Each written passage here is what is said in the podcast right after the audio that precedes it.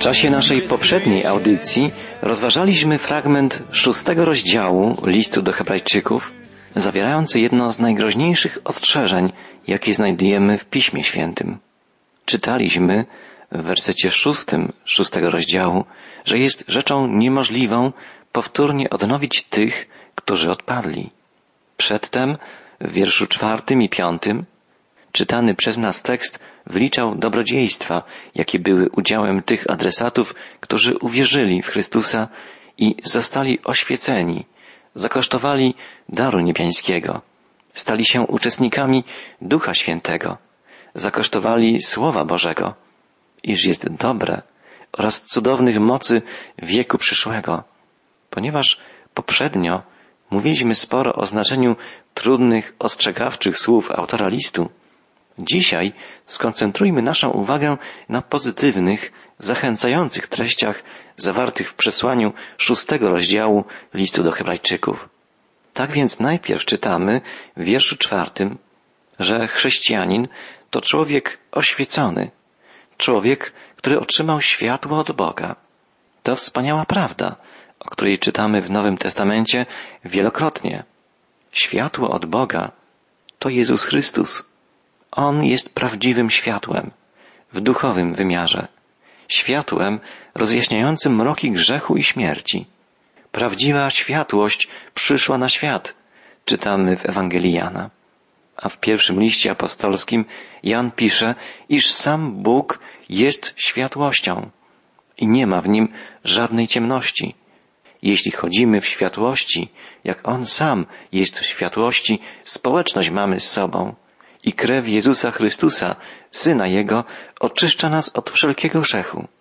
Człowiek oświecony przez Boga to człowiek zbawiony przez Chrystusa, człowiek kroczący przez życie w świetle Jego prawdy.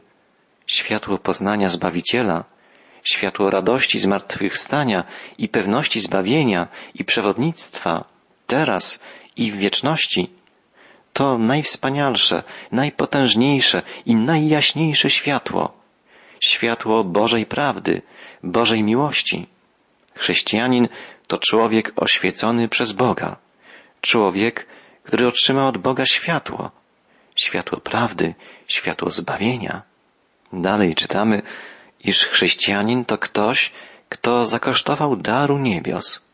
Albo inaczej, ktoś, kto poznał smak daru z nieba. Co jest wspaniałym darem niebios? Pojednanie, pokój z Bogiem. Tylko dzięki Chrystusowi człowiek osiąga pokój z Bogiem. Nikt z ludzi nie może doświadczyć Bożego pokoju o własnych siłach, dzięki własnym zasługom. Bóg może nas przyjąć, może nam przebaczyć, tylko dzięki dziełu zbawienia dokonanemu przez Jezusa. Dopiero gdy człowiek zrozumie, co wydarzyło się na krzyżu Golgoty, może zostać uwolniony od brzemienia grzechu. Chrześcijanin to człowiek, który przyjął dar przebaczenia, dar odkupienia dany mu w Chrystusie i raduje się pokojem z Bogiem. Jest szczęśliwym dzieckiem niebiańskiego Ojca. Chrześcijanin to człowiek, który otrzymał światło od Boga i poznał smak daru z nieba. Po trzecie, chrześcijanin to człowiek, który doznał działania Ducha Świętego. W starszym, tradycyjnym przekładzie czytamy, iż ten, kto jest uczestnikiem Ducha Świętego, ten jest prawdziwym chrześcijaninem. Ten, kto jest uczestnikiem Ducha Świętego. Taki człowiek prowadzi nowe, przemienione życie. Znajduje się pod kierownictwem Ducha Bożego. Działa w nim nowa moc. Duch Boży kieruje wierzącym człowiekiem, stale go przemienia, wskazuje mu, co ma robić i pomaga mu w realizacji wyznaczonego zadania. Chrześcijanin to człowiek, który otrzymał światło od Boga, poznał smak daru z niebios i doznał działania Ducha Świętego. Po czwarte, to ten, który przekonał się, jak dobra jest wieść od Boga, który zakosztował Słowa Bożego. Chrześcijanin to człowiek, który poznał Bożą prawdę, odkrył ją i przyjął, zakosztował Słowa Bożego. To znaczy doświadczył, jak wspaniałym jest Boże Słowo duchowym pokarmem. Ludzie instynktownie tęsknią za prawdą i tak długo są niezaspokojeni, jak długo nie odkryją sensu swojego życia. Boże Słowo ukazuje nam sens i cel naszego życia, naszego istnienia, bytowania, naszej egzystencji, sens i cel naszej drogi, zarówno tu i teraz, jak i w całej wieczności. Nie ma większej radości niż ta, która wypływa z poznania sensu i celu swojej egzystencji, poznania prawdy o swoim pochodzeniu i przeznaczeniu. Człowiek, który wie, skąd przychodzi i dokąd idzie, który jest pewien, że żyje tak, jak powinien, tak jak pragnie tego Bóg, jego Stwórca i Zbawiciel, jest człowiekiem szczęśliwym. Pamiętajmy, gdy znajdujemy prawdę Bożą, gdy studiując, rozważając i przyjmując Boże Słowo, odkrywamy sens i cel naszej drogi, wtedy rozumiemy w pełni, czym jest chrześcijaństwo. Wtedy stajemy się prawdziwymi uczniami Jezusa Chrystusa, szczęśliwymi, świadomymi swego pochodzenia i przeznaczenia dziećmi żywego Boga. Na koniec niezwykłej listy błogosławieństw chrześcijańskiego życia autor listu do Hebrajczyków pisze, iż chrześcijanin to człowiek, który zakasztował potężnych mocy przyszłego świata. Człowiek wierzący doświadcza już teraz w jakimś stopniu potęgi nowego świata, nowego stworzenia, nowej ziemi i nowych niebios. Uczeń Chrystusa już teraz doświadcza mocy zmartwychwstałego Pana. Już teraz zna króla całej rzeczywistości doczesnej i wiecznej. A kiedyś każdy, kto wierzy, kto ufa Jezusowi, zostanie przemieniony do końca, całkowicie, stanie się podobnym do Niego i już na zawsze przebywać będzie u boku Zbawiciela. Cudownie jest żyć taką perspektywą przyszłości. Tym pięknym obrazem kończy autor tę część listu, a potem wypowiada twarde słowa ostrzeżenia przed odstępstwem. Słowa te analizowaliśmy w czasie poprzedniej audycji. Natomiast dalej, po przedstawieniu pięknej wizji życia chrześcijańskiego i po mocnych słowach ostrzeżenia, przestrogi przed utratą całego bogactwa duchowych skarbów nieba, autor listu pisze, co do was jednak, kochani, mamy pewność, że jesteście na dobrej drodze do zbawienia chociaż tak ostro do Was mówimy. Autor listu zwraca się do swoich czytelników w bardzo ciepłych, serdecznych słowach. Pragnie ich zapewnić, że mimo iż w jego liście znalazły się ostre napomnienia, przestrogi, jednak kocha ich bardzo. Pragnie ich dobra, ponieważ nie dostrzega w ich życiu takiego wzrostu w chrześcijańskiej wierze i poznaniu, jakich oczekiwał, musi ich skarcić, przestrzec przed konsekwencjami duchowego zastoju, ale teraz pragnie ich zachęcić do wzmożonego wysiłku, wytrwałej pracy nad sobą. Zauważmy, że właśnie tu, jedyny raz w całym liście, autor zwraca się do swych czytelników w słowach kochani, umiłowani. Pisze, co do was, kochani, mamy pewność, że jesteście na dobrej drodze do zbawienia, chociaż tak ostro do was mówimy. Innymi słowy, autor listu stwierdza, właśnie dlatego rozmawiam z wami tak surowo, bo bardzo was kocham i chcę, żebyście nie zniechęcali się przeciwnościami, ani własnymi słabościami, ale wytrwale pracujcie nad sobą, a przede wszystkim zwracajcie się z ufnością do Boga. Proście Go o nowe siły, Bóg nie jest niesprawiedliwy, żeby miał zapomnieć o waszych czynach i o miłości, jaką mu okazujecie, pomagając współwyznawcom dawniej i teraz. Z tych słów wynika, że odbiorcy listu, mimo że ich duchowy rozwój pozostawiał wiele do życzenia, choć nie wzrastali w wierze i poznaniu i utracili pierwotną gorliwość, jednak nie zaniedbali praktycznej służby względem współwyznawców wierzących przyjaciół. To wspaniała postawa. Mimo kryzysu w duchowym rozwoju, ludzie ci nie zapomnieli o potrzebach swoich braci. Zauważmy, że autor listu pisze Sprawiedliwy Bóg nie zapomni o waszych czynach i o miłości, jaką Jemu okazujecie, pomagając współwyznawcom. To bardzo niezwykłe i wspaniałe. Pomagając potrzebującym, okazujemy miłość Bogu, który troszczy się o tych najmniejszych, najuboższych. Jemu okazujemy miłość, pomagając swoim braciom. Przypomnijmy sobie rozmowę Jezusa z uczniami, kiedy Jezus, pragnąc wyjawić swoim apostołom, co jest najistotniejsze, najważniejsze, co ma dla Niego największą wartość, opowiedział im przypowieść o ludziach, którzy zostali wynagrodzeni przez króla, bowiem nakarmili go, napoili, przyodziali. Gdy usłyszeli słowa króla, ludzie ci zdziwieni zapytali, a kiedy widzieliśmy Cię przychodniem i przyjęliśmy Cię? Albo kiedy widzieliśmy Cię nagim i przyodzialiśmy Cię? I kiedy widzieliśmy Cię chorym albo w więzieniu i przychodziliśmy do Ciebie? A król, odpowiadając, powie im, tak zakończył swą przypowieść Jezus, zaprawdę powiadam wam, cokolwiek uczyniliście jednemu z tych najmniejszych moich braci, mnie uczyniliście. Podobnie list do Hebrajczyków podkreśla, że Bóg nigdy nie zapomina o dziele miłości okazanej dla Jego imienia. Praktyczna pomoc okazana potrzebującym jest niezwykle ważna. Nie chodzi o to, że w ten sposób człowiek wierzący zdobywa sobie zasługi w niebie, że niejako zasługuje sobie dobrymi czynami na zbawienie. Nie. Człowiek otrzymuje zbawienie jako dar, dzięki wierze. Ale właśnie dlatego, że wierzy w dar zbawienia z Bożej łaski i przyjmuje ten dar od Chrystusa, z wielkiej wdzięczności chce Mu służyć. Pomaga Jego najmniejszym braciom, najuboższym, chorym, przegranym.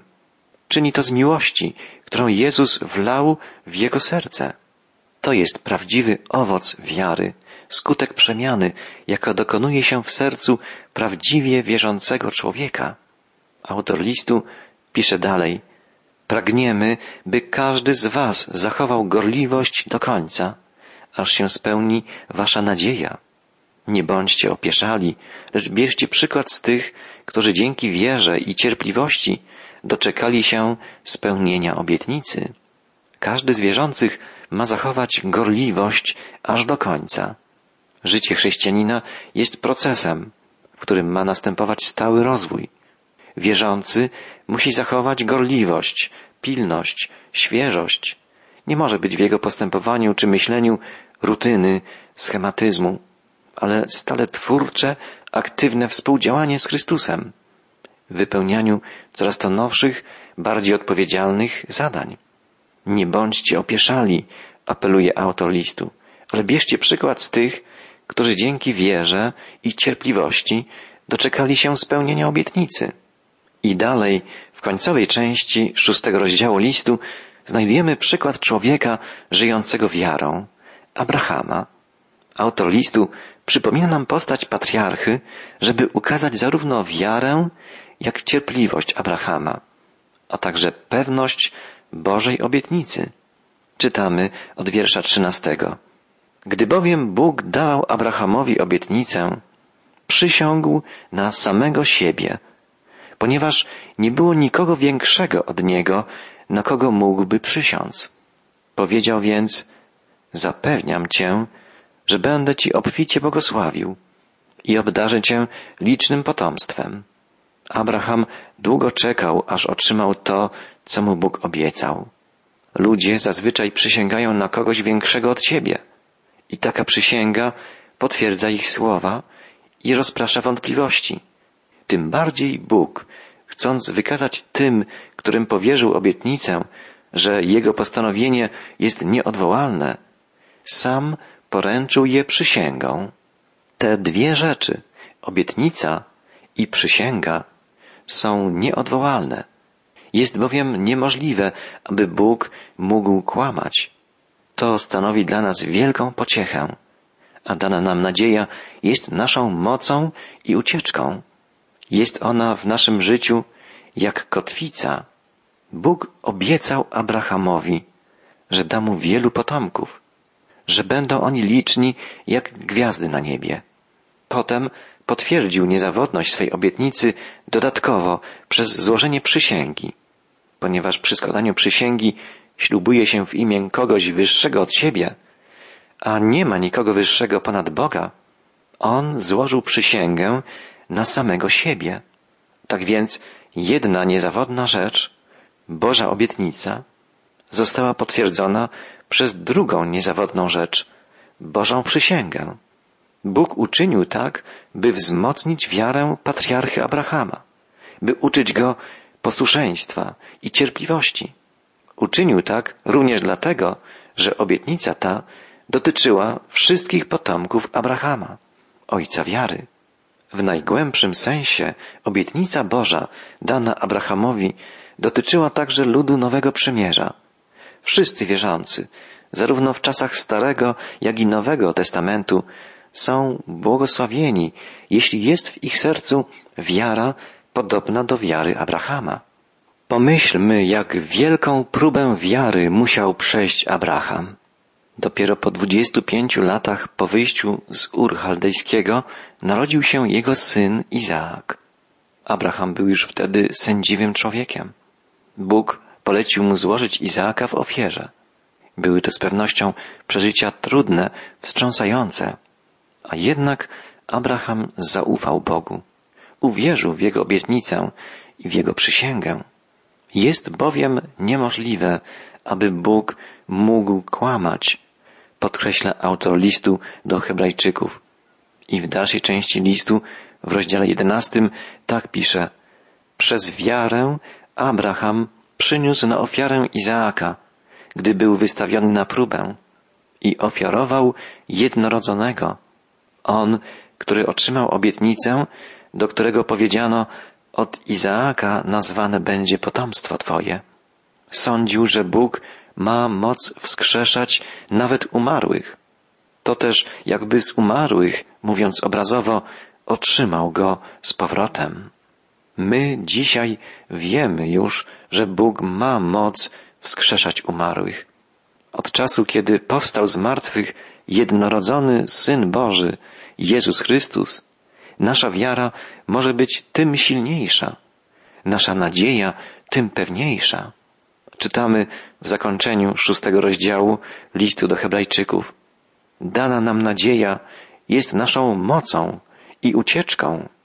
Jest ona w naszym życiu jak kotwica, mocna i niezawodna i sięga poza zasłonę świątyni, aż do miejsca najświętszego, dokąd, poprzedzając nas, wszedł Jezus jako odwieczny arcykapłan na wzór Melchisedeka. Nadzieję wierzącego człowieka porównuje autor listu do kotwicy. To porównanie było bardzo czytelne dla adresatów listu, gdyż w starożytności kotwica była częstym symbolem nadziei.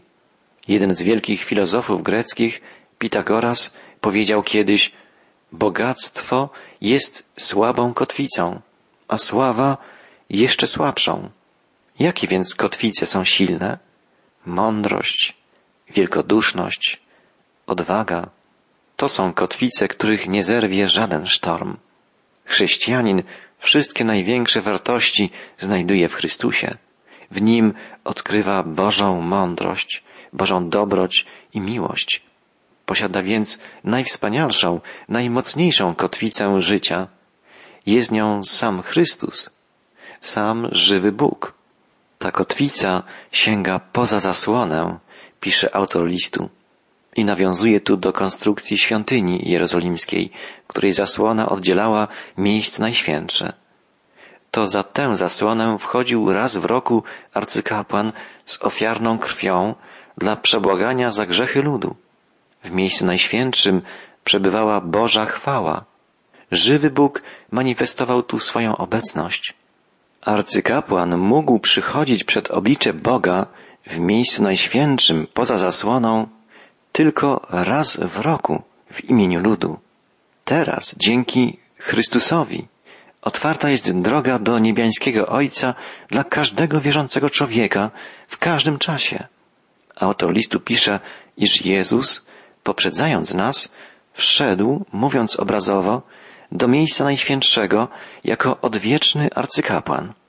Jezus nazwany jest tu w greckim tekście oryginalnym listu jako prodromos, czyli poprzednik. Słowo to oznacza kogoś, kto śpieszy naprzód, kogoś, kto jest pionierem, kto wytycza nową drogę, albo też zwiadowcem, który idzie przodem, żeby zbadać, czy daną drogą mogą przejść liczne oddziały wojska. Pan Jezus Chrystus wkroczył do miejsca najświętszego, prawdziwej niebiańskiej świątyni, wszedł do nieba i znalazł się u boku Ojca, żeby w ten sposób utorować drogę wszystkim swoim wyznawcom, wszystkim, którzy Mu zaufają i pójdą za Nim. Więcej o tym wspaniałym dziele Chrystusa mówić będziemy w czasie następnej audycji, gdy rozważać będziemy znaczenie słów, iż Jezus jest arcykapłanem na wzór Melchisedeka. A dzisiaj zakończmy nasze spotkanie pełną wdzięczności refleksją, pełnym radości spojrzeniem na naszego poprzednika, pioniera, przewodnika, zbawiciela. On jako jedyny, jako pierwszy powstał z martwych i stanął u boku Ojca w niebie. On jedyny ma prawo stać przed Bogiem Najwyższym. Jedynie doskonały arcykapłan, Chrystus, jest godzien, by stać przed żywym Bogiem. Ludzie, którzy w Niego wierzą, uczestniczą w nadziei, która tam, za zasłoną, przed obliczem Boga jest zakotwiczona pewnie i trwale. Jest to wspaniała prawda. Dzięki Jezusowi droga do Boga Ojca jest otwarta. Pan Jezus mówi, ja jestem drogą. Każdy, kto wierzy, kto ufa Jezusowi, może przyjść przed oblicze Boga, może wyznać Mu swoje grzechy i otrzymać przebaczenie, ułaskawienie, zbawienie. Wszystko, o czym dzisiaj mówiliśmy, czyniliśmy zgodnie ze słowami autora listu, dlatego, by mieć mocną zachętę do pochwycenia leżącej przed nami nadziei. Jej to trzymajmy się jako kotwicy duszy.